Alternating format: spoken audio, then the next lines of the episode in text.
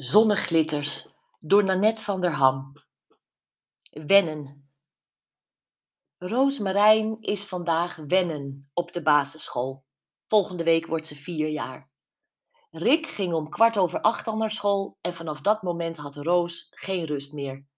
Met haar nieuwe felgele rugzakje om stond ze onderaan de trap te roepen: Ben je klaar, mam? We moeten gaan! Ik griste gauw het fototoestel mee en stapte met mijn dochter naar buiten. Het was een koude herfstochtend. Dag, konijntjes, ik ga naar de basisschool, juichte Roos. Trots zat ze bij me achter op de fiets. Even langs het raam rijden, mam, dan kan ik naar mijn knuffel zwaaien. En ja hoor, daar had zij ze allemaal parmantig op de vensterbank gezet. Uit gewoonte reed ik bijna het plein van de peuterspeelzaal op. Nee, nog een paar gebouwtjes verder. Bij de deur van de basisschool werd Roos wat stiller. Hand in hand gingen we naar binnen en juf Ria zag ons aankomen. Dag Roosmarijn, kom je een kijkje bij ons nemen? Rachel, een bij de hand meisje uit onze buurt, ontfermde zich meteen over Roos en liet zien waar haar rugzakje en jasje moesten hangen. Links de jongetjes en rechts de meisjes. Laat de herfsthoek maar zien, opperde juf. Daar ging mijn dochter. Mijn ineens zo grote dochter. In haar rode corduroy overgooiertje en bruine maillot. Nee, panty, mam. Nog een paar keer kwam ze kijken of ik er nog was en toen bleef ze weg. Toen ik stiekem keek, was ze heerlijk aan het spelen met een doos kastanjes. Ik voelde mijn lip bibberen. Mama gaat even boodschappen doen en straks kom ik je weer halen, goed? Ik kon het nog redelijk nonchalant uitspreken. Ze keek op. Kus, mam, dikke kus. We zwaaien door het zijraam, Roos.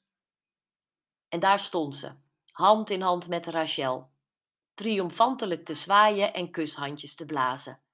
Een grijns van oor tot oor. Oh, wat had ze zich hierop verheugd op dezelfde school als haar grote broer, eindelijk kleuter. En ik? Ik zwaaide dapper terug en bleef onhandig achteruitlopend met mijn fiets, zwaaien tot ik door de struiken van de schooltuin haar gezichtje niet meer kon zien.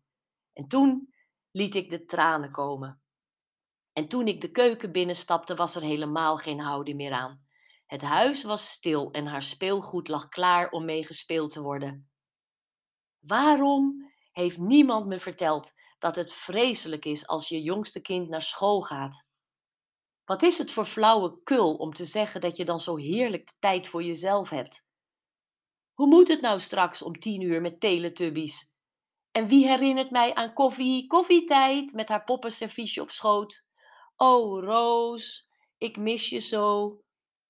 Waarom kan je er 101 kindertijdschriften, opvoedingsboeken etc. op naslaan en toch nooit voorbereid zijn op de emoties die vrijkomen als er weer een fase in je leven afgesloten wordt? Ik heb echt heel naïef jaren gedacht dat dit voor altijd zou zijn. Gemopperd als ik snel naar de markt wilde en Roos niet snel genoeg in haar fietsstoeltje klom.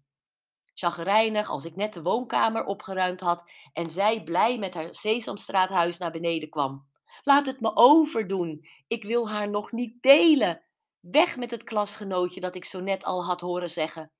Als je mijn vriendinnetje wil zijn, kan je maar beter doen wat ik zeg. De buurvrouw vroeg of ik verkouden was en weer begon ik te huilen.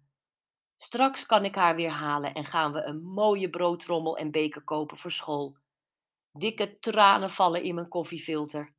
Om tien uur schuif ik een lege video in de recorder. Kan ze straks toch haar geliefde Teletubbies kijken?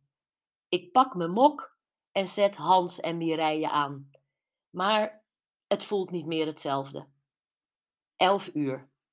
Nog een half uurtje en dan komt Roosmarijn weer thuis.